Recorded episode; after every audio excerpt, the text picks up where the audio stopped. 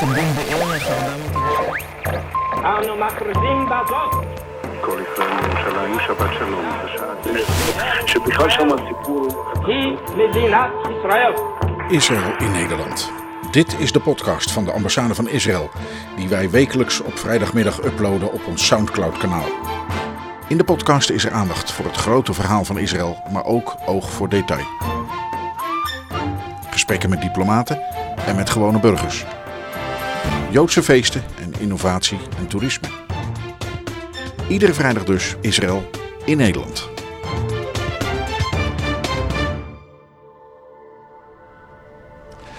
Ja, op het eh, nu nog stille terrein van eh, de Vrije Universiteit in Amsterdam.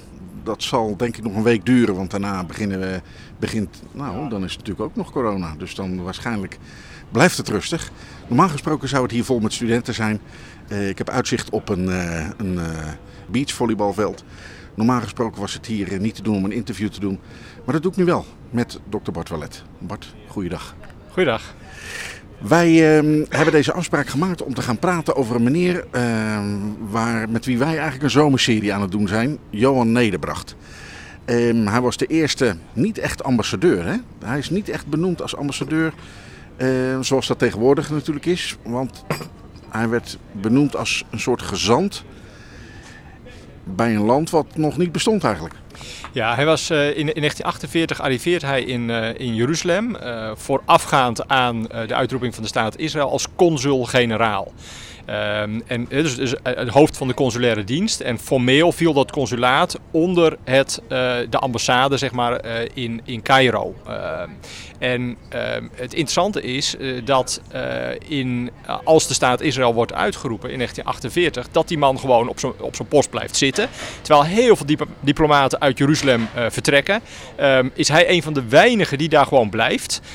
En ja, hij vertegenwoordigt daar Nederland in een staat die Nederland op dat moment helemaal nog niet heeft erkend. Ehm, Nederland erkent eh, de staat Israël aanvankelijk niet. Eh, dat gebeurt pas eh, in januari 1949 eh, eh, de facto en pas een jaar later, januari 1950, de jure. Ehm, dus het interessante is dat hij ja, een, een, een, vertegenwoordiger was bij een land dat niet door Nederland werd erkend. Ehm, en hij zat ja, op een plek waar bijna eigenlijk geen andere diplomaat te vinden was. Maar hij had het er uitstekend naar zijn zin. Eh, laten we even daar beginnen dat hij dus blijft. Hij is niet bang. Nee, absoluut niet. Eh, het is een, eh, hij, is ook wel wat gewend. Ik bedoel, als je naar zijn, eh, zijn cv kijkt, dan zie je dat hij in allerlei conflictgebieden in de wereld al, heeft opgetreden. In, in Danzig, in, in Trieste. En dat hij eigenlijk voortdurend dan bezig is om verschillende partijen bij elkaar te brengen. Geboren onderhandelaar, een, een diplomaat, zoals je er denk ik weinig hebt. heeft voor een heel groot deel ook het allemaal zelf geleerd. Hij komt niet, het is geen, niet iemand die uit de elite komt, zoals heel veel diplomaten op dat moment, eh, nog met dubbele namen. Het is een self-made man die zich omhoog hoog heeft eh, ge- ge- ge- gebokst. Eh, maar ongelooflijk handig en, eh, en, en slim. En eh, ja, hij, hij weet zich daar te handhaven in Jeruzalem. Dat is toch ongelooflijk, want die man is begonnen, als ik het goed heb gelezen, uit het onderwijs komt hij. Eh, nee, eigenlijk uit de boekhandel. Eh, a- aanvankelijk had hij eh, uit een boekhandel in, in, in Wageningen. Nou, dat was geen heel groot succes. Eh, en vervolgens eh, dan eh, gaat hij het onderwijs in. Eh, hij is heel lang journalist. En dat is ook heel belangrijk om te begrijpen eh, waarom hij ook zo goed kan schrijven. En ook zo van houdt om veel te schrijven. Eh, en uiteindelijk eh, wordt hij ambtenaar eh, bij het ministerie van Buitenlandse Zaken. En eh, nou, dan zie je dat hij eigenlijk op allerlei eh, internationale klusjes wordt, eh, wordt gezet. Eh, gezant van Nederland is eh, in in allerlei eh, nou, eh, conflict, conflictgebieden. en nou, daar past natuurlijk eh, Palestina eh, in 1948 eh, helemaal in. Ehm, je zei net dubbele namen. Dat is in die tijd nog gewoon. Dus dat je eigenlijk van adel bent of tot, eh, laat ik zeggen, de, de oude elite van, eh, van Nederland behoort. Maar dat is hij niet. Hoe komt hij dan toch op deze post terecht? Ja, eh, één denk ik gewoon goed zijn. Ehm, hij is, hij is, hij is de, de eerste die promoveert aan wat nu de Erasmus Universiteit is. Eh, ook, heeft hij ook allemaal weer zelf geregeld. Eh, Franstalig proefschrift over China. Nou, daar zie je wel, dit was niet, hij, was, hij was bepaald niet achterlijk. Ehm, en dat wordt ook opgemerkt in Den Haag. En, en daar wordt hij dan na- naartoe gehaald. Ehm, daar komt bij dat hij, het is een, een, een anti-revolutionair. De anti-revolutionaire partij zit op dat moment ook echt in het hart van de de Nederlandse politiek. Ehm, ja, dus dat soort dingen spelen natuurlijk zeker ook mee, zijn politieke kleur. Ehm, maar ik zou toch ook zeggen, het heeft ook zeker met zijn verdiensten te maken en met, zijn, ja, zijn profiel. Um, een hele interessante carrière. Waar begint hij eigenlijk? Die begint natuurlijk, ja, dat heb je verteld, in de boekwinkel en dan in het onderwijs. Dan komt hij bij Buitenlandse Zaken. Dan begint eigenlijk die carrière waar we het over hebben. Wat gaat hij precies doen? Uh, nou, bij Buitenlandse Zaken, uh, een van de taken die hij uh, krijgt is om in de jaren 30 gedurende een, een, aantal jaren op te treden als neutraal voorzitter van een, een commissie die eigenlijk de, de economische um, conflicten die er bestonden in de stad Danzig, en dat was een vrije stad, waar zowel Duitsers als Polen woonden. En die eigenlijk ook de Duitsers wilden die, die stad weer bij Duitsland voegen. En de Polen zagen het als een Poolse stad. Dus er waren heel veel conflicten daar rond. En hij was als een soort neutrale uh, arbiter uh, daar om uh, economische conflicten tussen, die, tussen Polen, Duitsland en Danzig op te lossen. en, dat, en Danzig op dat moment is, is een van de hotbeds waar het nationaal socialisme opkomt. Um, dus hij ziet eigenlijk al heel snel dat nationaal socialisme opkomen. Hoe kijkt hij daarnaar? Hij, uh, hij wijst het af. Hij, uh, daarin zie je uh, dat, dat, dat, hij een hele diepe protestantse overtuiging heeft. Hij, hij vindt het een heidense beweging. Ehm, hij, zo ziet hij ook het, het antisemitisme wat eruit voortkomt. wat hij expliciet afwijst, meerdere keren. Ehm, dus hij, hij, verklaart zich tegen het nationale socialisme en tegen het antisemitisme. Um, tegelijkertijd uh, moet je wel zeggen dat hij uh, niet vrij is van uh, anti-Joodse stereotypen. Dan eindigt die loopbaan in Danzig, of tenminste dat stuk van zijn carrière, waarschijnlijk met de overname van de stad door Duitsland. Ja, precies. En dan is er geen neutrale arbiter meer nodig natuurlijk. En dan, dan vertrekt hij, hij dus. En nou, in Nederland wordt hij dan in 1940 benoemd tot burgemeester van Voorburg. net, net nog door de koningin. Wat raar, want dat is eigenlijk, ja, hij zit bij Buitenlandse Zaken. En dan maken ze burgemeester. Ja, dan gaat hij naar Binnenlandse Zaken. Uh, kennelijk had hij behoefte aan, uh, aan een wat andere klus. Uh, het, tekent wel hoe avontuurlijk de man ook, ook wel weer is. Um, uh, maar daar, ja, dan stapt hij natuurlijk op een buitengewoon ongelukkig moment uh, binnen. Hè, want even later breekt uh, de Tweede Wereldoorlog uit. Um, en hij blijft echt de hele oorlog op zijn post zitten. hij zegt zelf achteraf dat hij dat doet om te voorkomen dat er een NSB-burgemeester zal komen. En dat dit de beste manier is om de belangen van zijn burgers te verdedigen. Um, hij is daarin eigenlijk een, een typische Nederlandse uh, uh, ambtenaar. Uh, hij weet precies wat de regels zijn. Ehm, in 1937 had de Nederlandse regering al bepaald dat als er een vijandelijke overval zou komen, dat iedereen op zijn post moet blijven zitten. En als een soort intermediair met de bezettende macht de belangen van de, de, de bevolking moest verdedigen. Ehm, nou, dat blijft hij ook, ook doen. Um, en, is hij daarin uniek of, of, of een eenzame uh, nou, witte raaf? Nee, uh, hij, ik zeg, hij is de, de typische burgemeester in oorlogstijd. Um, en dat betekent dus ook dat hij um, ja, al, voor een heel groot deel natuurlijk ook meewerkt met het bezettende regime. Omdat hij denkt dat hij daar als Nederlands ambtenaar uh, toe, toe geroepen is. hij wijst ook, ook gewelddadig verzet af. ik denk dat dat niet goed is voor de, de belangen van de Nederlandse bevolking. Um, er zijn uh, enkele heldhaftige burgemeesters die zeggen wij, wij werken niet mee. Dus er zijn zeker ook mensen die echt andere keuzes maakten. Uh, maar nou hij is typerend voor een, een, groot deel van die burgemeesters die blijven zitten. die, die meewerken met alle mitsen en maren. maar um, om erger te voorkomen. Typische burgemeester in oorlogstijd. Kun je zeggen als eindbeoordeling dat hij over die oorlogsjaren dat hij eigenlijk grijs was? Zoals heel veel anderen. Oh, zeker. Ja, hij, heeft, uh, hij heeft erin geschipperd. Uh, hij, hij, is, hij, is, nooit een sympathisant van uh, de Duitsers of van de nazi's geweest. ook in de vooroorlogsperiode niet. zeker niet. Het, het, was een, een, Nederlander die trouw aan zijn regering wilde blijven. En die, die dacht dat zijn regering van hem vroeg om mee te buigen om erger te voorkomen. Wat misschien in die tijd ook wel zo was. Nou ja, dat was in ieder geval wat, wat destijds veel voorkwam. Ehm, tegelijkertijd zie je dat andere burgemeesters echt ook andere keuzes hebben gemaakt. Hè. Dus dat, um, ja, dat, dat zorgt toch dat je moet zeggen, eh, hij heeft niet voorop gelopen. Het is niet, niet de, dapper, de, de dapperste burgemeester geweest. Het is een ambtenaar geweest die ja, gedaan heeft wat hij dacht dat uh, op dat moment van hem gevraagd werd. En waar wij nu moeten zeggen, daardoor heb je natuurlijk toch deel uitgemaakt van eh, eh, ja, dat hele eh, proces van de Tweede Wereldoorlog, waar ook de Holocaust een deel van heeft uitgemaakt. Ehm, dan gaat hij terug naar Nederland en schrijft hij uiteindelijk dat boek, want hij gaat dan daadwerkelijk met pensioen. Ehm, wel een interessante, een interessante vogel, om het maar even zo te zeggen. Ja, het is een, buitengewoon interessant eh, figuur. Eh, je kan ook merken, het is een journalist, dus hij weet hoe hij moet schrijven. Het is, het is heel vlot geschreven, eh, interessante doorkijkjes omdat hij ook heel, heel nieuwsgierig is, veel mensen spreekt. Hè, overigens niet alleen een Joodse kant, ook een Arabische kant. Scherpe observaties heeft. Ehm, ook zeker zijn kritische zin eh, behoudt. Eh, hij, hij, zegent echt niet alles wat, wat Israël doet. Ehm, hij verdedigt ook netjes het Nederlandse beleid. wat, eh, ehm, wat ook, ook op vrede gericht is. Ehm, ehm, dus daar, daarin is hij, is hij heel, heel duidelijk. Maar ja, dit is een- natuurlijk een prachtige afsluiting van zijn carrière.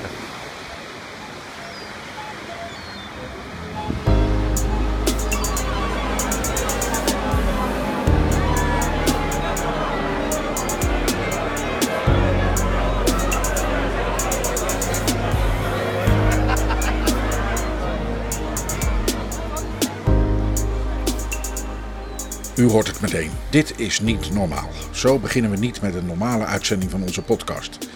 En dat klopt. Vakantietijd. Wij vroegen ons als team op de ambassade af: wat gaan we doen? Ook met vakantie? Of gaan we door? Maar als we podcast blijven maken, hoe gaan we dat dan doen met onze eigen vakanties? We hebben besloten een zomerserie te maken die geheel in het teken komt te staan van 70 jaar relaties tussen Nederland en Israël. Want dat vieren we dit jaar.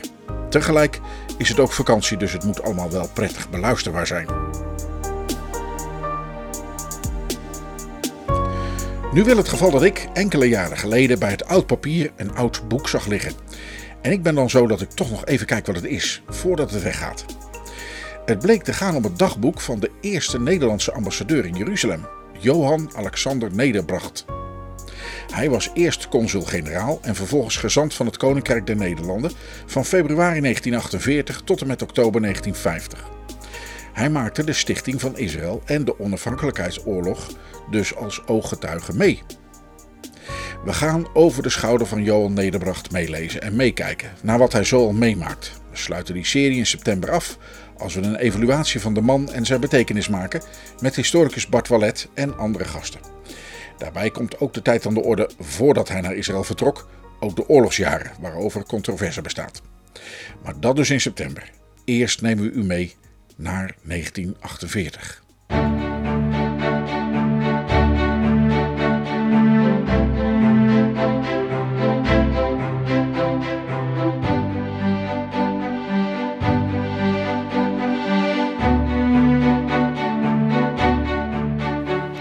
Voordat we beginnen moet ik nog even wat verduidelijken. We gaan lezen in een dagboek uit 1953. Een oud boek dus, waarbij ook de taal van toen is. Zo heeft ambassadeur Nederbracht het niet over beschietingen, maar over schieterijen. Vaak gaat het over Lake Success en dat is dan het plaatsje in de Amerikaanse staat New York, waar in 1948 onderhandeld wordt over een oplossing voor het conflict in het Brits mandaatgebied Palestina. Het gaat over truce, een bestand tussen strijdende partijen, en ceasefire, een staakt het vuren. En in de woorden van Nederbracht is een voorbereidende VN-delegatie een avant-garde der VN. En omdat hij een religieus man is, gereformeerd, zijn voor hem de Bijbelse verhalen deel van zijn dagelijkse realiteit. Als hij bij de Jordaan staat, die klein en modderig is, begrijpt hij de houding van de Syrische generaal Naaman uit het Bijbelboek Twee Koningen, die ook niet in zo'n miserig riviertje wil baden om van zijn melaatsheid af te komen. Verder heeft hij het vaak over sternisten en de Irgun-terroristen en de Haganah. Het gaat hierbij om de drie Joodse milities die er waren voordat de staat Israël was opgericht. De Haganah was de grootste groep en hoorde bij de raadgevende volksvergadering van het Joodse agentschap en later bij de regering van Israël. De Lechi en Irgun waren radicalere milities die ook tegen de Engelsen vochten tijdens de Tweede Wereldoorlog. Beide groepen pleegden bomaanslagen waarbij ook burgerslachtoffers vielen. Beide groepen waren ook verantwoordelijk voor de moordpartij in het Arabische dorp Der Yassin, wat de afschuw opwekte van de Joodse bevolking. Het lukte de regering de Legie, ook wel de Sterngroep of de Sternisten, genoemd naar de naam van hun leider, te ontbinden. De Irgun is daarna opgeheven en in het jonge leger van de staat opgegaan. Het is maar dat u het weet. De vorige keren volgden we Nederbracht tot aan het uitroepen van de staat Israël. Dit is deel 4. De oorlog is in volle gang. De Joodse staat is uitgeroepen, de onafhankelijkheidsoorlog begint. Laten we meeluisteren wat de officieel gezant van Nederland, Johan Nederbracht, allemaal meemaakt.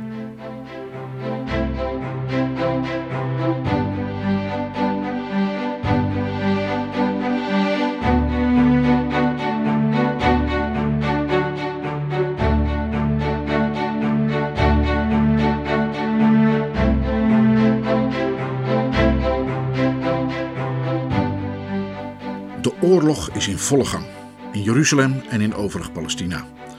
Wij schrijven maandag 17 mei 1948. Hier ter stede schijnen de Joden de meeste strategische punten in handen te hebben, maar de oude stad, de Holy City, te ontzien. De strijd is echter zwaar. Vannacht is hij vrijwel ononderbroken doorgegaan, met kanongedreun en explosies, vermoedelijk van kleinere opblazingen. In het land ziet het er misschien niet zo best uit nu de Arabische staten van het zuiden, het oosten en het noorden benevens uit de lucht aanvallen. Merkwaardig is het dat Abdallah niet op Jeruzalem aan, maar naar het noorden marcheert.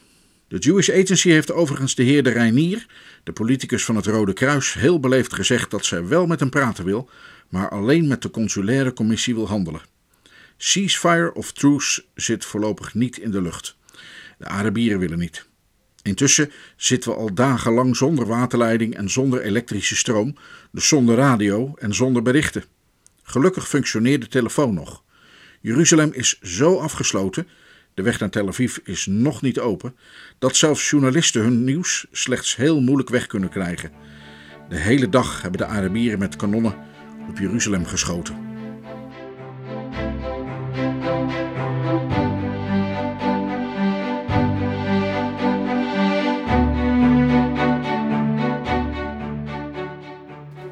Het is een hele nacht van consternatie geworden. De Arabieren hebben eindeloos de Joodse wijken van de Old City uitbeschoten. De Joden hebben lang ermede gewacht de oude stad aan te vallen. Zelfs lieten ze deze dagen sterrenisten, dus leden van de Sterngroep van de Legie, die er binnendrongen in de steek. Maar tenslotte hebben zij hun scrupules moeten laten varen en in de nacht hun aanval op de Old City, waar plusminus 36.000 Arabieren naast plusminus 1500 Joden opeengepakt zitten, begonnen. Het werd een slapeloze nacht met een luguber concert. Drie partijen speelden in het concert mee. Voor eerst was er een geweldig geweervuur in allerlei toonaarden. Dan deden de Arabische kanonnen mee, mortieren en andere die tweeërlei geluid deden horen. En voorts bliezen de Joden allerlei op, wat een hele reeks ontploffingen gaf, waaronder heel zware. De Joden vielen aan, naar men zegt, in het noorden richting Damascuspoort, op de Jaffapoort, in het westen, in het zuiden van de berg Sion en de vijver Siloam.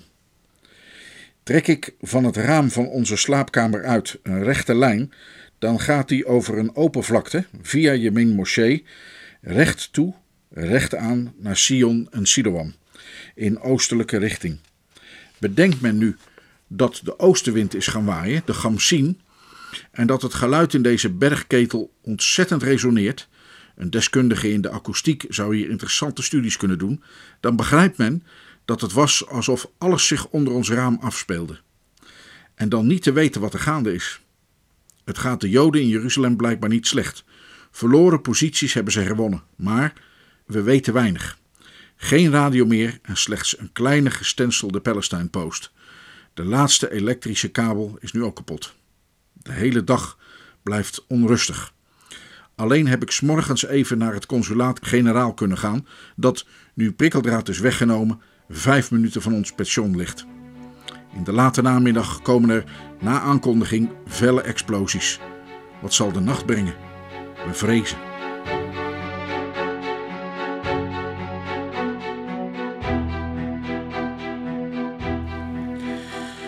De nacht is analoog geweest aan de vorige, alleen nog wat erger. En de dag brengt weinig licht. Eergisteren was men pessimistisch in Joodse kringen. Gisteren optimistisch. Men praatte al van een witte vlag door de Arabieren op de toren van David, de citadel bij de Jaffa-poort geplant. Wat ik met behulp van mijn verrekijker onmiddellijk kon constateren onwaar te zijn. Maar de Transjordaniërs zijn in de oude stad binnengedrongen en er gaan nu allerlei verontrustende berichten. Misschien ook wel weer ten onrechte. Bij sommigen is er een paniekstemming. Koning Farouk van Egypte schijnt in Palestina te zijn. Desgelijks Glub Pasha, de Britse bevelhebber van het leger van Transjordanië, de Arab Legion. De Palestine Post, die weer gedrukt verschenen is, legde de nadruk op dat de Transjordaniërs worden geleid door christelijke officieren van het Engelse leger. Een Foreign Office spokesman over die zaak ondervraagd, heeft gezegd dat Engeland staat onder treaty obligations, die haar niet toelaten iets daartegen te doen en haar verplichten wapens te leveren, subsidies te betalen enzovoorts. Abdallah moet 40 Britse officieren hebben, waarvan 30 bij het Engelse leger. Wat is tegen het argument van de treaty obligations te zeggen? In de eerste plaats dat Engeland als christelijke natie zo'n verdrag niet had mogen sluiten. En ten tweede dat het dit verdrag waarschijnlijk opzettelijk voor een geval als dit gesloten heeft. Intussen gaat het schieten met de met Engels geld betaalde kanonnen onder leiding van Engelse officieren door. En van truce, wapenstilstand, is geen sprake. De Arabieren weigeren te komen om erover te praten. O zeker, als Engeland één telegram aan Abdallah stuurt, is het uit. Maar Engeland doet dat niet. Het heeft dat voor God te verantwoorden. Nog altijd staat daar het woord dat God tot Abraham gesproken heeft: En ik zal vervloeken die u vloekt.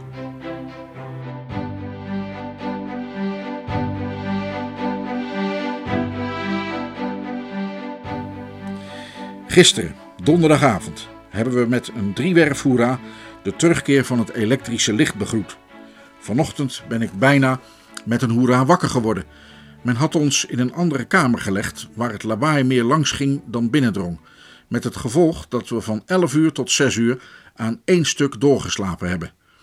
En nu is het weer eens een optimistische dag. We weten wat van de toestand niet veel, maar menen te weten dat de kanonskogels van de Arabieren die men hoort fluiten oost-west over de stad heen vliegen en, zo ze in de stad vallen, weinig schade aanrichten. Van kennissen die gisteren in paniekstemming waren, komt een geruststellend telefoonbericht. Wat niet wegneemt dat het bombardement voortgaat en er telkens ontploffingen zijn, ook in onze omgeving. Zo langzamerhand wordt het ons daarbij duidelijk dat veel van wat we gehouden hebben voor wat de Duitsers sprengelingen noemen, het geraas is, veroorzaakt door de kleine kogels van de Arabische mortieren die buiten de stad opgesteld zijn.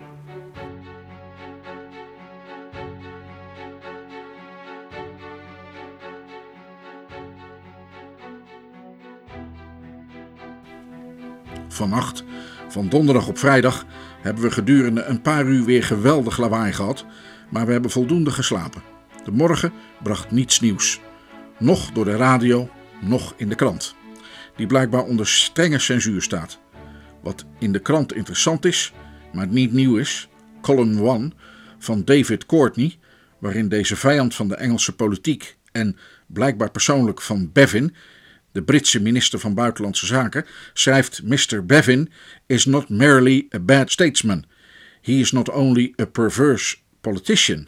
He is a bad and perverse man. Het belangrijke van de dag was een bezoek van een spreker van de Jewish Agency, die mij vertelde hoezeer men er prijs op stelt dat eerlijke vertegenwoordigers van vreemde mogendheden zien en weten wat hier gebeurt en hun regeringen te goede trouw daaromtrent berichten. Hij heeft mij de bekende uiteenzetting gegeven dat hier geen oorlog gevoerd wordt tussen Joden en Arabieren, maar tussen Joden en Engelsen, of liever van de Engelsen tegen de Joden. Glab Pasha werkte de plannen voor de veldtocht der Transjordaniërs uit. Glab Pasha inspecteert de troepen bij Jeruzalem. Naar Glab Pasha gaan de rapporten en de verzoeken om hulp op bepaalde punten. Engelse christenofficieren voeren de troepen aan. Engeland betaalt alle kosten. Er is geen woord nieuws bij. En, voor zover ik kan beoordelen, is er ook geen woord onwaar aan. Voor de Joden is er vandaag slecht nieuws. dat het Hadassah-hospitaal en de Hebreeuwse Universiteit door de Arabieren genomen zouden zijn. Ze liggen eenzaam in de buurt van de Olijfberg en waren niet te verdedigen. Het hospitaal was reeds eerder ernstig aangevallen, waarbij kostbare en veelal gloednieuwe apparaten waren vernield. Het was reeds goed deels verlaten. De Arabieren voeren ook tegen hospitalen oorlog en ontzien niets. Ik hoor dat we hier een mediator, een bemiddelaar, krijgen. De bekende zweet Bernadotte. Hij moet bemiddelen tussen Arabieren en Joden, maar heeft dat zin? Als men bemiddelen wil, moet dat tussen Joden en Engelsen zijn. In de krant lees ik dat de heer Graves, voorheen voorzitter van de gemeenteraad van Jeruzalem, een zeer gezien man, mij ook persoonlijk bekend, nu in Londen gezegd moet hebben dat twee Engelsen, drie Polen en drie Arabieren de ramp van Ben Yehuda, de aanslag, veroorzaakt hebben. Een telefoonbericht komt binnen dat mijn Amerikaanse collega op straat dicht bij de YMCA door een sniper, een sluipschutter, beschoten en gewond is. Het Franse consulaat-generaal in dezelfde omgeving kan men niet meer bereiken, ook telefonisch niet, omdat de telefoonkabel stuk is en de Arabieren door hun schieten iedere reparatie verhinderen. Ook onze lichtkabel is weer kapot, maar we hebben nu gelukkig een petroleumlamp. Het ongeval, de heer Wassen overkomen, en de telefoonmisère van mijn Franse collega brengt men met elkaar in verband en zegt dat de Arabieren, geleerd door de Engelsen, onder andere Sir Allen, de Truce-commissie trachten te verhinderen om te functioneren. Laatste nieuws van vandaag is: de Transjordaniërs krijgen versterkingen. De Egyptenaren zijn bij Bethlehem.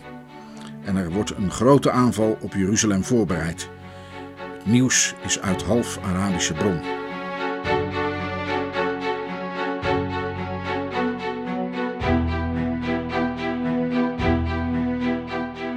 Zondagmorgen. Het is een rustige nacht geweest. Is er elders gevochten en zijn daarvoor troepen van hier weggenomen? Ik weet het niet.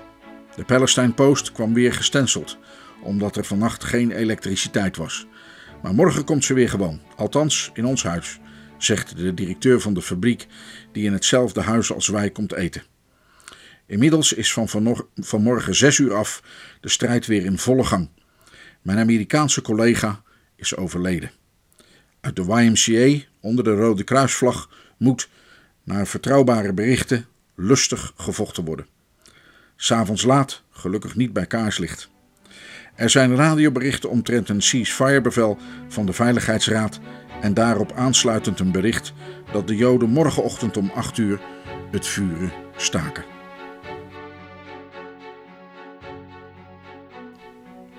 Na een rustige nacht is om ruim 6 uur het geknal en gebom weer begonnen. De Arabieren hebben om 8 uur het vuren niet gestaakt en dus de Joden ook niet. Vanavond om 10 uur moet het ceasefire van de Veiligheidsraad ingaan. De Joden zijn bereid, maar men verwacht dat de Arabieren niet zullen willen. Bernadotte is op komst, maar hij moet gezegd hebben dat hij maar 1% kans op succes ziet. Evans, de Amerikaanse nieuwe burgemeester van Jeruzalem, schijnt in Cairo te zitten en gezegd te hebben dat hij komt als er een truce is. Het idee is niet zo gek, maar toch, men moet even lachen om zoveel moed. Het gaat de Joden, naar ik verneem, niet slecht. Ze proberen zich te redden, zonder bestand als de Arabieren die niet willen. Ik heb in een missieve uiteengezet dat het Engeland is dat de oorlog tegen de Joden voert en de wandaden opgesomd die door de Engelse soldeniers bedreven worden. Voorts heb ik gevraagd of er voor een regering geen aanleiding is in Londen op staking der vijandelijkheden aan te dringen, of althans op oorlogvoering met humaniteit en in achtneming van internationale verplichtingen. De Arabieren hebben twee keer 24 uur de uitstel van beslissing over ceasefire gekregen. Hun argumenten zijn: wij moeten onderling overleg plegen en wij kunnen niet zo snel onze troepen inlichten. Hun ware motief? Ik denk in twee dagen nog proberen Jeruzalem eronder te krijgen, dat nu al elf dagen stand houdt.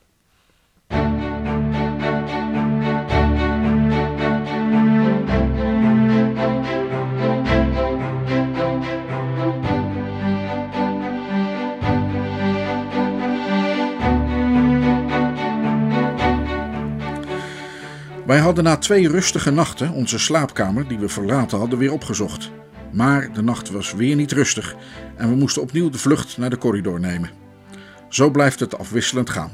Op een morgen is de krant de Palestine Post weer getroffen en dus geen nieuws, want we zijn weer zonder elektriciteit en zonder radio.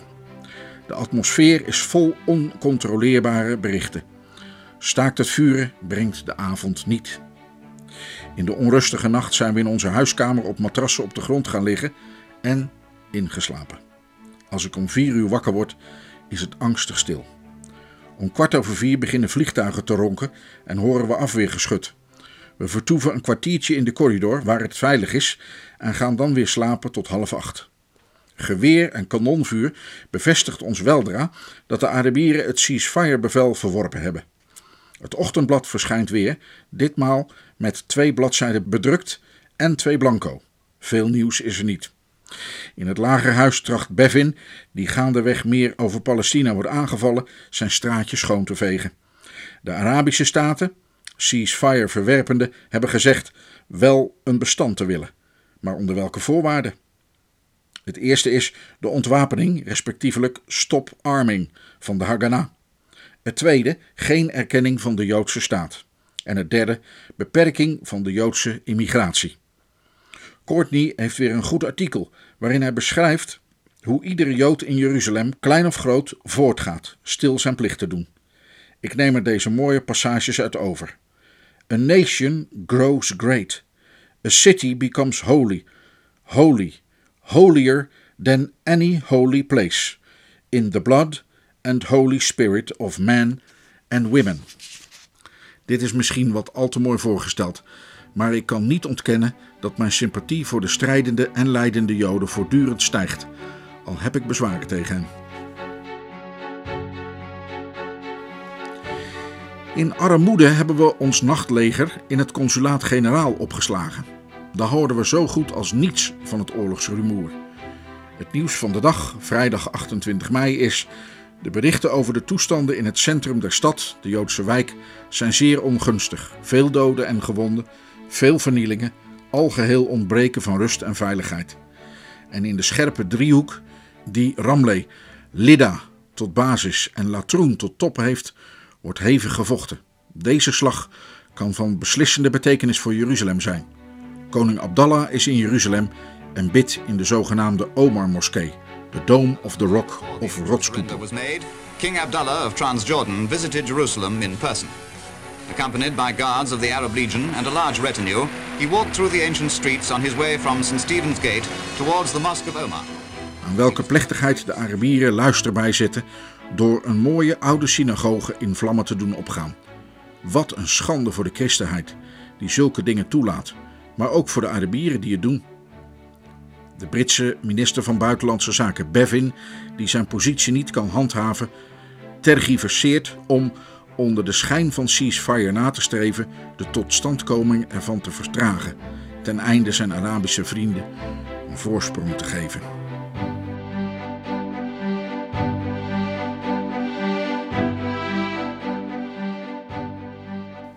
Het is weer Shabbat.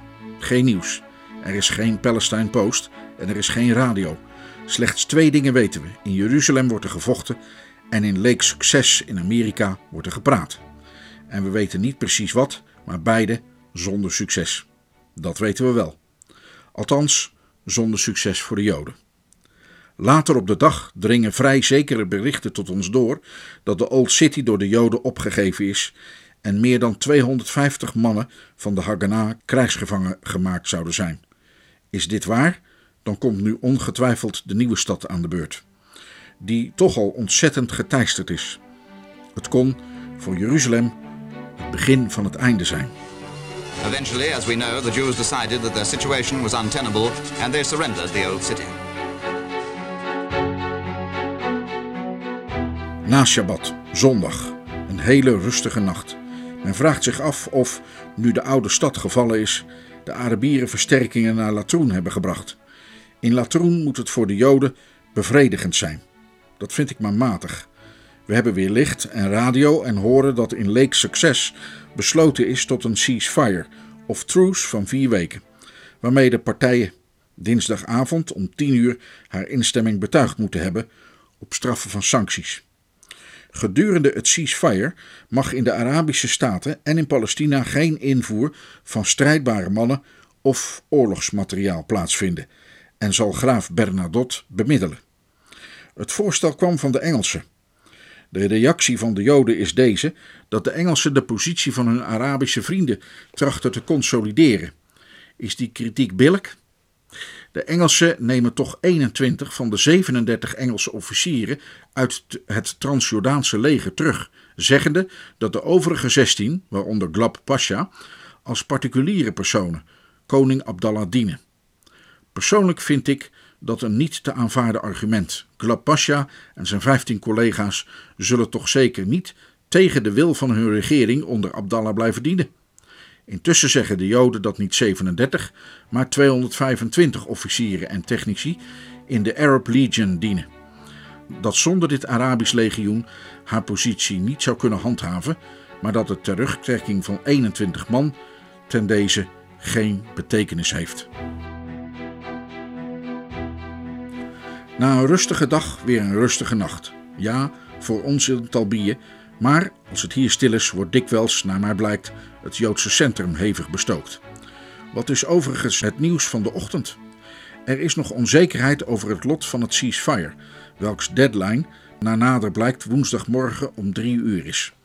Partijen schijnen voordien, ieder voor zich, nog eens een goede zet te willen doen.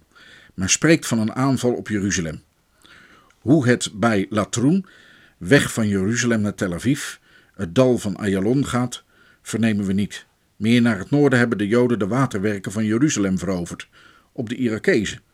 Men zegt mij dat de Engelsen, toen ze weggingen, deze heren daarin gezet hebben, en dan natuurlijk om Jeruzalem van water te beroven. Maar men zegt al zoveel kwaad van de Engelsen dat ik aarzel om ook dit er nog aan toe te voegen. Hoe het zij, naar het heet zijn de waterwerken ongeschonden in Joodse handen gekomen, zodat de mogelijkheid niet uitgesloten zal zijn dat Jeruzalem weer leidingwater krijgt. Nog meer naar het noorden moet Megiddo, het Armageddon uit de Bijbel, in handen der Joden zijn. Overigens blijft het Rode Kruis in opspraak. In de Palestine Post heeft Agronsky er een scherp artikel over. Men noemt de Reinier een Engels agent. Dat gaat mij te ver.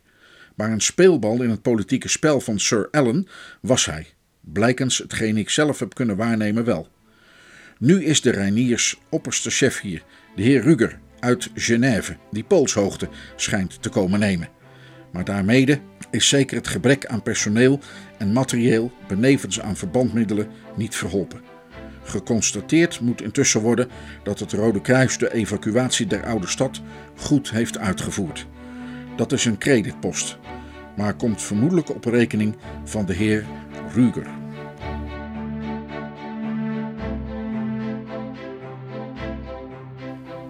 Wij staan aan het begin van een nieuwe maand, 1 juni, waarvan we heel niet weten wat zij brengen zal. Zullen wij morgenochtend ceasefire hebben? Niemand weet het. Al wat we nu horen en lezen is tendentieus. Het vechten van vandaag is zelfs tendentieus, bestemd om de situatie tegen morgenochtend 3 uur te beïnvloeden. Wordt het wapenstilstand? Dan komt burgemeester Evans naar Jeruzalem. Dan kan ook graaf Bernadotte aan het werk gaan. Hij is trouwens al in Palestina. Hij schijnt wat veel te praten. Sprekende over Nokrashi Pasha, de Engelse minister-president, heeft hij gezegd dat hij hem very nice and charming vond. Courtney heeft die uitdrukking in zijn column 1 overgenomen en er een gevleugeld woord van gemaakt. Ondertussen hebben de Arabieren de Rode Kruiszone om het voormalige gouvernementshuis, zetel van de Reinier, gebombardeerd.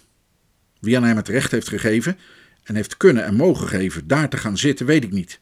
Maar, al is het Rode Kruis in Palestina, met name in Jeruzalem, een politiek orgaan, voorshans acht ik de schending van de Rode Kruisvlag nog zeer bedenkelijk.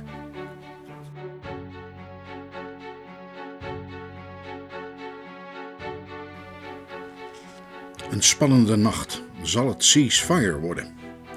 Tot drie uur, deadline van de door Leek Succes verordende truce, of was dat vijf uur, werd er door de Arabieren heftig gebombardeerd, maar ook daarna nog, terwijl ik sliep. Van waar tot waar? Naar het schijnt van ten zuiden van Jeruzalem over Talbië heen naar de Gavia. Men spreekt van brand en van fosforbommen. Toch luiden de ochtendberichten dat partijen het ceasefire hebben aangenomen. Maar het schieten gaat bij tussenpozen door.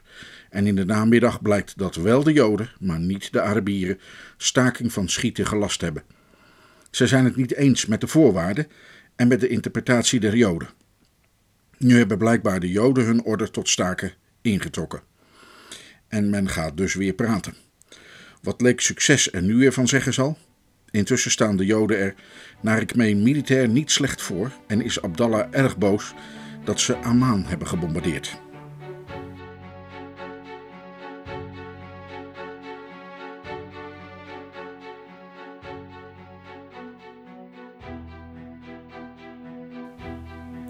Met het ceasefire zijn er allerlei misverstanden geweest, ook doordat de deadline voor de aanvaarding en de deadline voor de uitvoering met elkaar verward werden.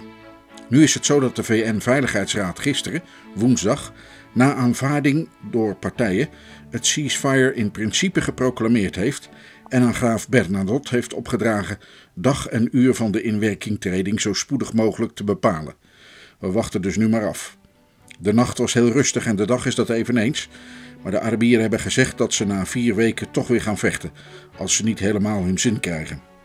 Overigens brengt het ochtendblad niet veel nieuws.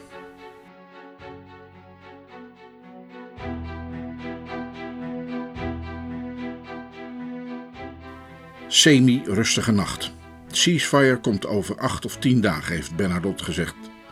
Als het komt, want ten eerste ageert minister van Buitenlandse Zaken Bevin verder, nu in verband met Joden uit Cyprus die naar Palestina willen.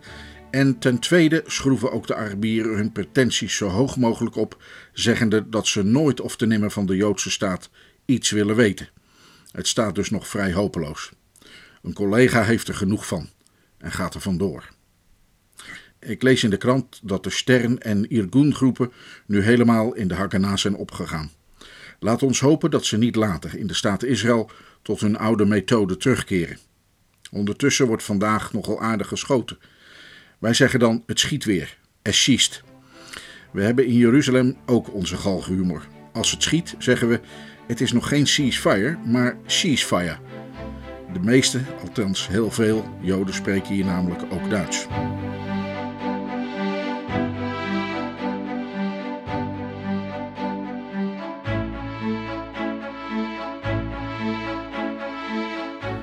Weer Shabbat. Vannacht helemaal geen ceasefire. Omstreeks half zes is er weer eens een bombardement op onze naburige wijk Regavia. Zo erg is het nog nooit geweest. Het regent inslagen. Het komt dicht bij ons. Men schijnt waaiervormig te schieten. Eén schot gaat, als ik het goed hoor, vlak langs ons huis. Na een kwartier is het weer stil. De heerlijke Jeruzalemse morgen daagt in volle glans en volle vrede. De glans blijft, maar de vrede duurt kort. Het schiet alweer daverend, vermoedelijk vanuit de oude stad in verschillende richtingen. Vandaag wordt de hele dag gesheld. Op verschillende delen van de stad en zitten de snipers trouw op hun verborgen posten. Het zijn misschien de ergste 24 uur die we tot dusver beleefd hebben. We moeten van gunstige momenten profiteren om ons middag- en avondmaal te gaan gebruiken. Een rustige nacht, althans na 11 uur, zonnetijd 9 uur in de avond. En nu, althans voor ons, een rustige dag met gamsim, snikhitte, harde wind, grijze hittenevel over het landschap. Het is zondag 6 juni. Van kerk gaan is al lang geen sprake meer. In ons nieuwe tehuis in het consulaat-generaal, dat wel, bij leven en welzijn, ons definitieve huis zal worden, zijn we althans vandaag rustig alleen. En we kunnen een iets langere huisgodsdienstoefening houden. Onze meditatie betreft Jesaja 37, de geschiedenis der vernietiging van Sanheribs leger dat tegen Jeruzalem opgetrokken was. En wij bidden voor het heil van Palestina en Jeruzalem en voor het volk van dit land en deze stad, ook voor hun geestelijk heil. In de namiddag en avond wordt er nogal erg geschoten in onze omgeving, niet met kanonnen maar met geweren en niemand weet waar de Arabische snipers zitten. Oppassen is de boodschap. Volgens telefonische berichten heeft het centrum der stad het weer zwaar te verduren, maar van hieruit horen we dat niet.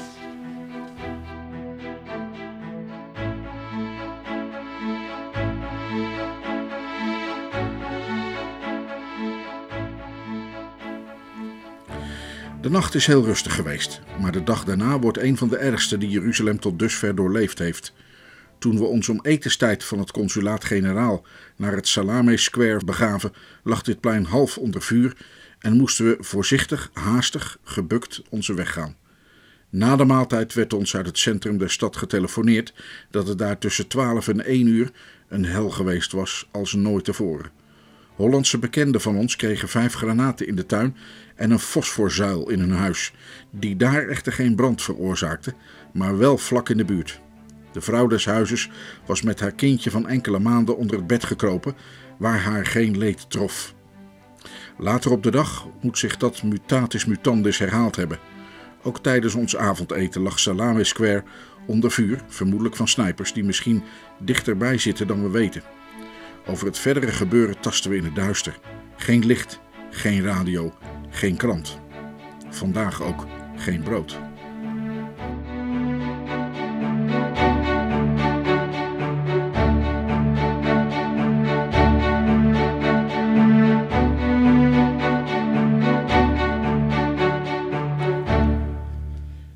Maken de volgende morgen een wandelingetje. Buiten Jeruzalem wordt geknald en gebomd. Ik hoor ook een enkele sniper vlak in de buurt.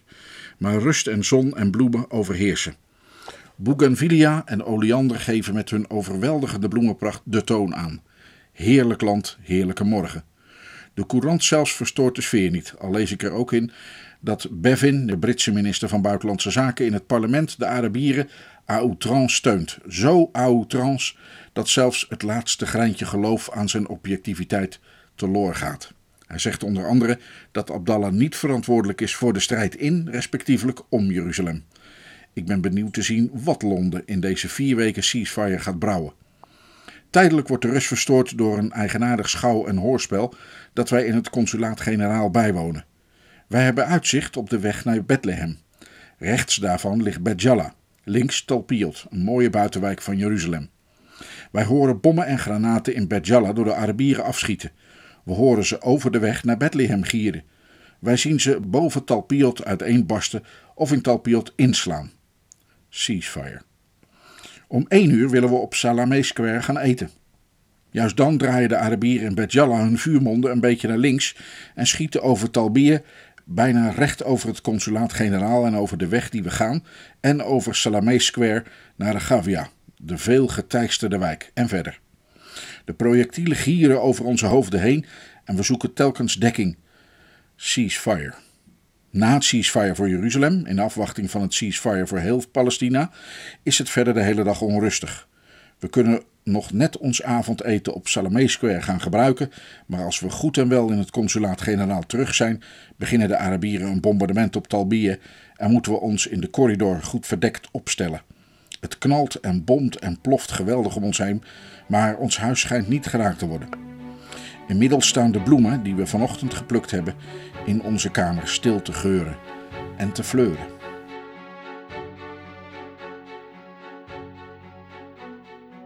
De nacht is niet rustig geweest, maar ik heb er niet veel van de onrust gehoord.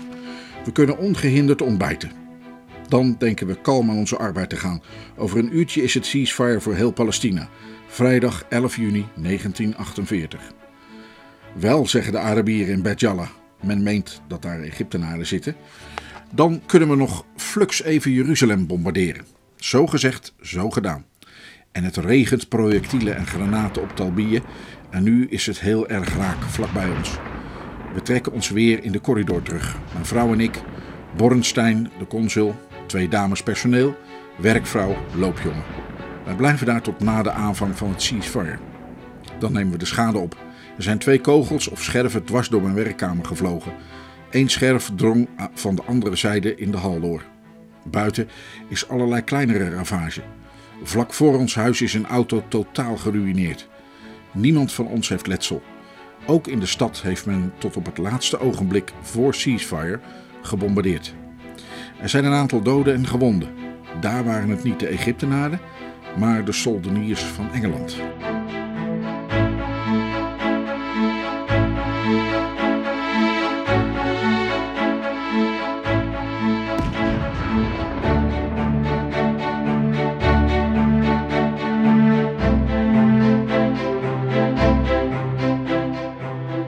Het is staakt het vuren, maar tegen de avond van maandag gaat de operette weer spelen. Ik zit om zes uur in onze geïmproviseerde, gezellige huiskamer een kopje thee te drinken, als op eenmaal vlak bij ons ontploffing van handgranaten en machinegeweervuur gehoord wordt. Het staakt het vuren wordt blijkbaar gebroken, maar door wie en hoe? Er zijn hier heel geen Arabieren in de buurt. Wij rennen naar voren om te zien wat er gaande is. We zien geen Arabieren, maar sternisten. Mensen van de legiegroep. Deze terroristen die in het centrum der stad reusachtig gevochten moeten hebben, leefden eerst ondergronds, maar zijn nu opgedoken in Talbië. Daar zijn ze in ledige huizen getrokken, maar die sternisten staan en liggen nu in zeer verwarde stelling voor ons huis, op straat en in struikgewas, met machinegeweren, blijkbaar gereed om te vechten, maar lachend en een sigaretje rokend. Aankomende jongens met kan me niet schelen gezichten. Ik telefoneer naar de andere zijde van Talbië, naar Salame Square, en hoor dat de Haganah de sternisten aanvalt. Het ziet er alles meer grappig dan dreigend uit. Er gebeurt verder niets. Ondertussen, omstreeks half negen, wordt er verzamelen gefloten en trekken de sternisten naar hun bivakken. Dan verneem ik wat er aan de hand was. De sterngroep joegen Joden uit door hen bezette huizen en gingen er zelf in zitten. Gevolg? Klachten bij de Jewish Agency, welke ze doorgeeft aan de Haganah. De sternisten, obstinaat, smijten met handgranaten naar niemand en niets en schieten in de lucht. Althans aan onze zijde, want aan de andere zijde schijnen er gevonden te zijn. Dan onderhandelingen, diplomatieke onderhandelingen zegt men, tussen de commandanten van Haganah en Stern. Een waarnemer van Bernadotte komt kijken, maar ziende wat er gaande is bemoeit hij er zich niet mee en trekt weer af. Resultaat van de onderhandelingen onbekend, maar blijkbaar niet ongunstig, want de rust wordt niet meer verstoord. Belang heeft de scène alleen omdat zij er een voorgevoel van geeft welke last de staat Israël nog van de terroristen zal hebben.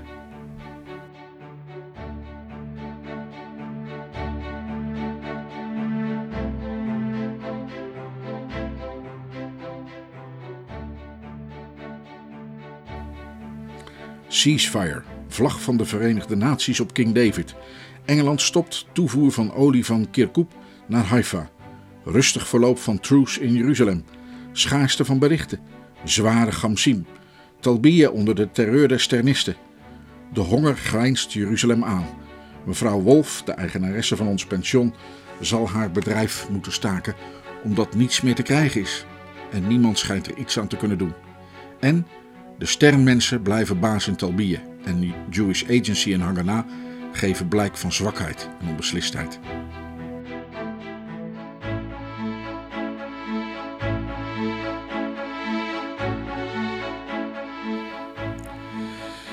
Waar we helemaal niets van weten, dat is de toekomst.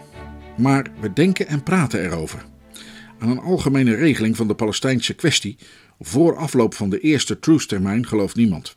Verlenging van het bestand houdt men voor zeer wel mogelijk, maar of dan aan het einde de kwestie geregeld zal zijn, tegenover die vraag staat men zeer sceptisch. Waar men hier vrij algemeen aan gelooft, dat is een oplossing voor Jeruzalem. Voor het einde van de al of niet verlengde truce. Men gelooft niet aan een hervatting van het bombardement op en de verdere vernieling van Jeruzalem met Engels geld, met Engels oorlogsmateriaal en onder leiding van Engelse officieren. Men gelooft er ook niet aan dat Jeruzalem, de Holy City, aan koning Abdallah in handen gespeeld zal worden. Het is natuurlijk alles wishful thinking.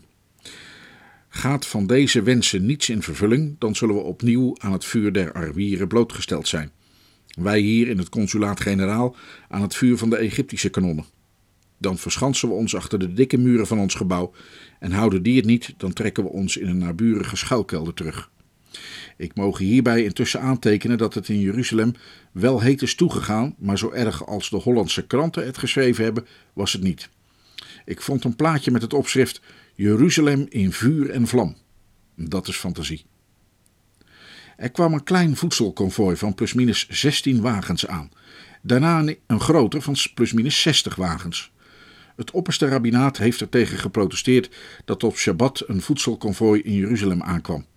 Inmiddels is de aanvoer van voedingsmiddelen voortgegaan en ik neem aan dat ze nu wel ononderbroken zal worden voortgezet.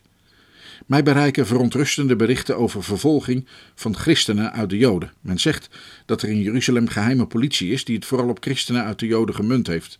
Dat er in sommige takken van de Joodse administratie grote verwarring is, dat er corruptie is. Ook de Joodse staat wordt geen heilstaat. Aan de andere kant moet ik zeggen dat de Joden aardig de nagelaten rommel van de Engelsen opruimen. Ik krijg nu brieven uit Holland, gedateerd 4 februari en 5 maart jongstleden, die de Engelse postadministratie blijkbaar ergens heeft laten liggen. In de nacht van donderdag op vrijdag moet er in de stad tussen Haganah en terroristen gevochten zijn. In Talbië schieten de sternisten bijna elke nacht. Tegenover mijn woning maken ze verschansingen. Ik ontdek dat de Engelse verkeerspolitie mij voor mijn auto een waardeloos nummer heeft gegeven. Opzettelijke stichting van wanorde? S'avonds, als ik in het duister thuiskom van een bezoek, stopt een jongetje mij het volgende strooibiljet in handen. Joodse jongeling, je broeders worden vermoord bij de verdediging van Jeruzalem door de misdadiger Ben Gurion. Zult gij hem trouw zweren? Joodse soldaat, zweer geen trouw aan de regering die schepen met Joodse wapenen doet zinken. Wait and see, dat is het enige wat we kunnen doen. Inmiddels is het de zestiende dag van het ceasefire. Als eerste geen leidingwater, omdat de Irakezen bij het pompstation saboteren. En de tweede geen elektrische stroom, omdat er plusminus 600 breuken in de leiding zijn.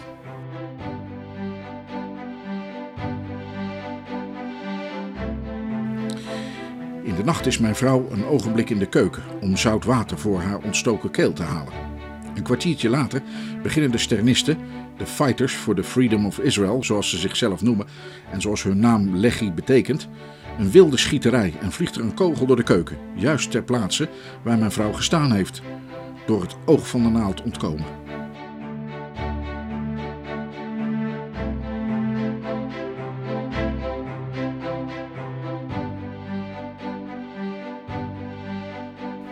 De film draait weer. Ik moet naar Tel Aviv. Om kwart over één zetten we de auto in beweging.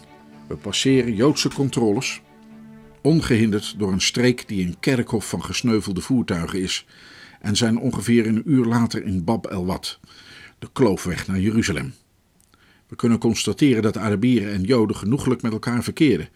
Van Bab el Wad mogen we vanwege de VN de grote weg volgen, met medeweten en goedvinden van de Arabieren.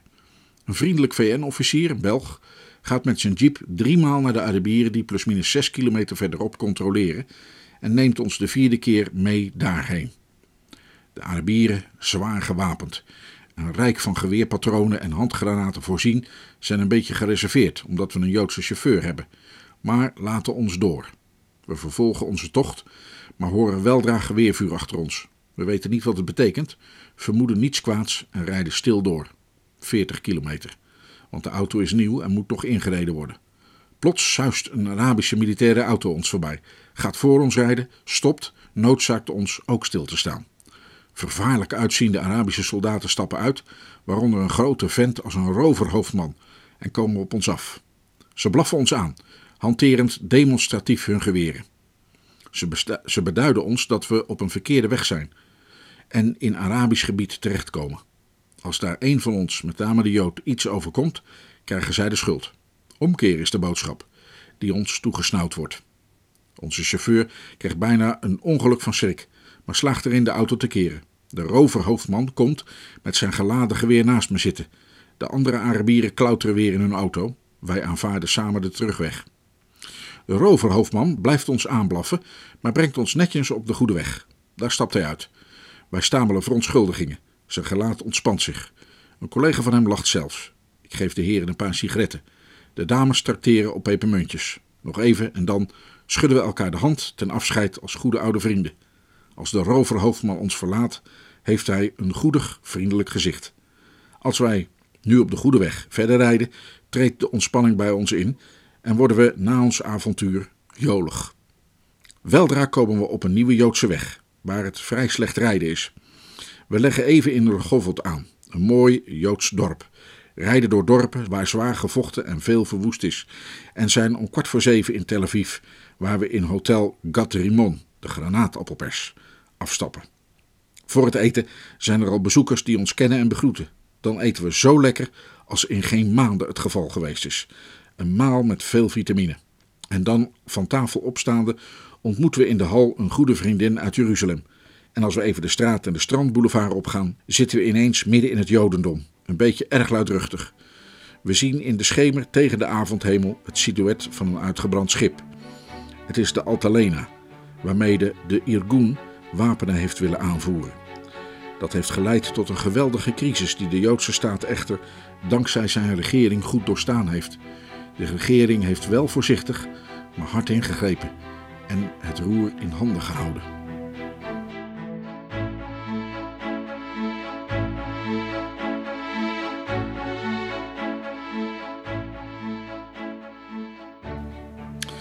Begin van de nacht is onrustig geweest vanwege het lawaai in de straat aan de ene kant van het hotel en op de kade aan de andere kant.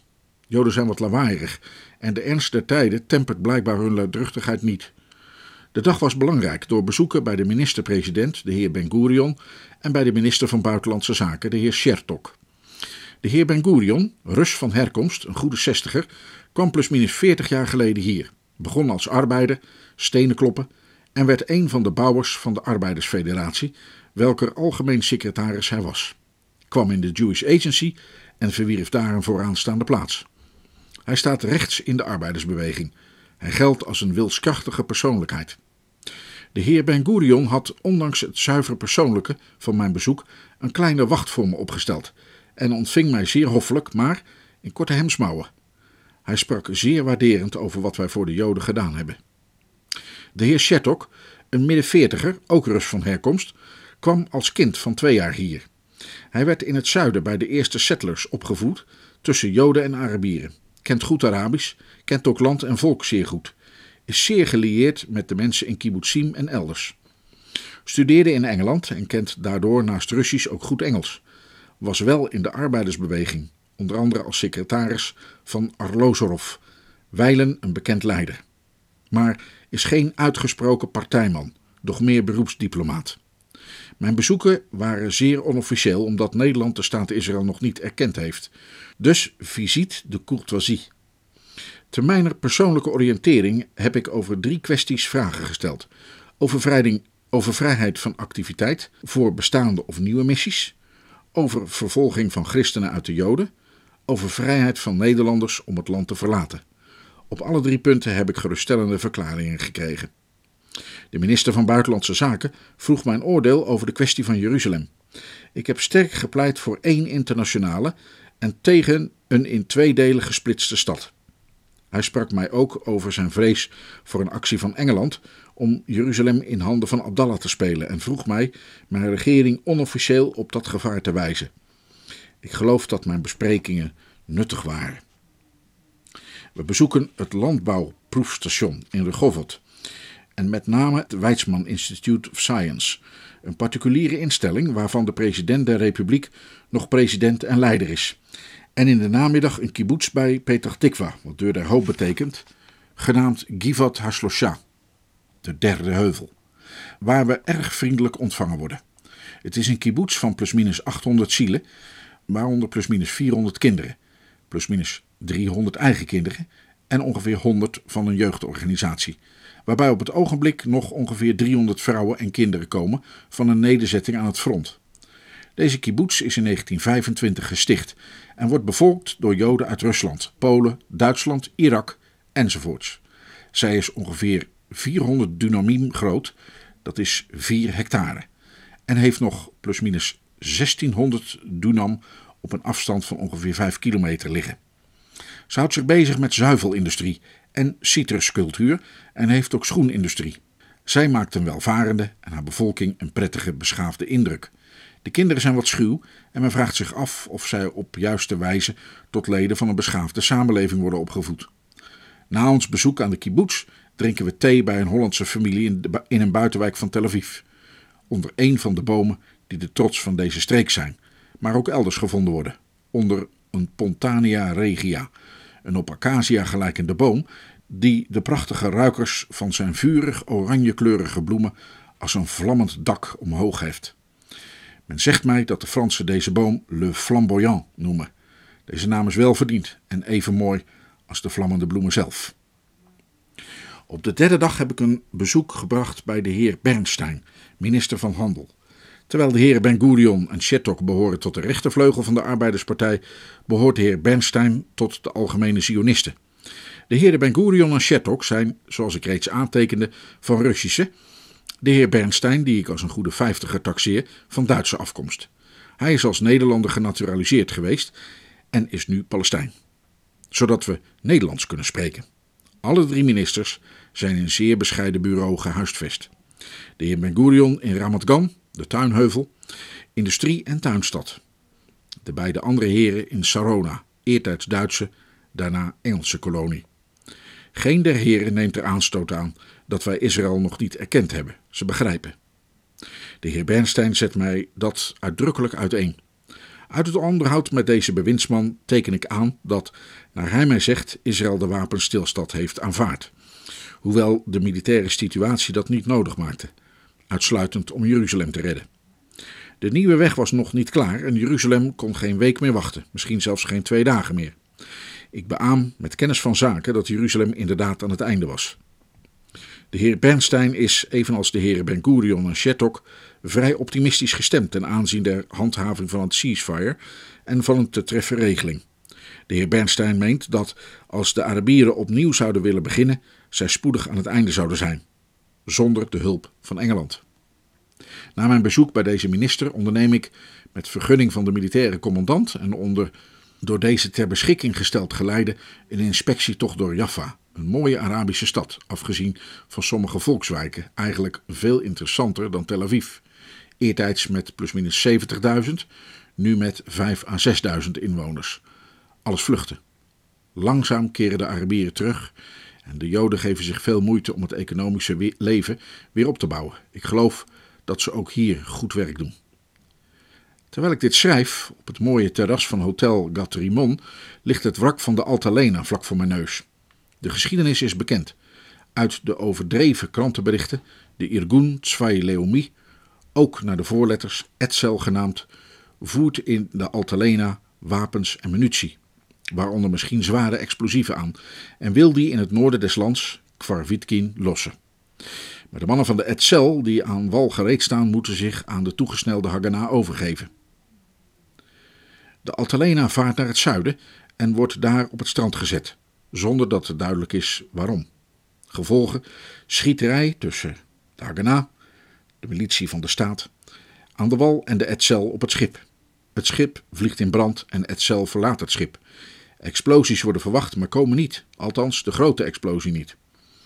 Etzels worden gevangen genomen, huiszoekingen in Tel Aviv en arrestaties. Protesten tegen beslist doortasten der regering en ministercrisis. En dan wordt de zaak blijkbaar gesust en begint het grote zwijgen. Niemand weet meer wat er aan de hand is en merkwaardigerwijze is er geen grote belangstelling meer voor de zaak. Ik heb de indruk dat de regering, zoals ik reeds zeide, handig gemanoeuvreerd heeft. Zij heeft de macht in handen gehouden zonder slachtoffers te maken. Naar ik geloof schetste iemand de volksmening juist door te zeggen dat het volk het niet zou begrijpen als een Etzel, die toch voor de gemene zaak strijdt, tegen de wand gezet en gefusilleerd zou worden. Inmiddels blijft de regering met het probleem de terroristen van de Etzel en de Stern zitten. Het kankergezwel in het lichaam van de jonge staat. Terugreis met allerlei tegenslag. We rijden telkens verkeerd, zitten eenmaal in het zand vast, moeten over een traject waar de weg door een soort krijtrotsen is gehouden en waar alles onder een laag wit stof zit. Om, vooral ten behoeve van onze Joodse chauffeur, de Arabieren te vermijden, rijden we de lastige en gevaarlijke Burma-weg, de door de Joden gebouwde noodweg met haarspeldbochten op sterke hellingen. We komen in gloedhitte in Jeruzalem aan. Gamsien.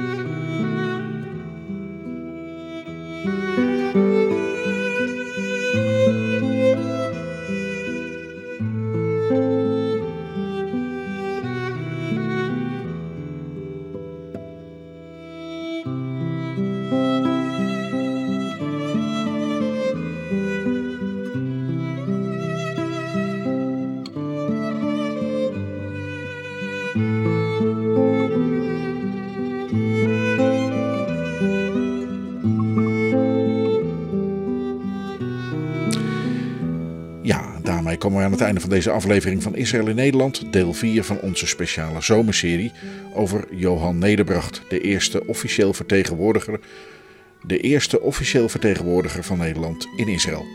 Volgende week deel 5. De staat Israël staat vast.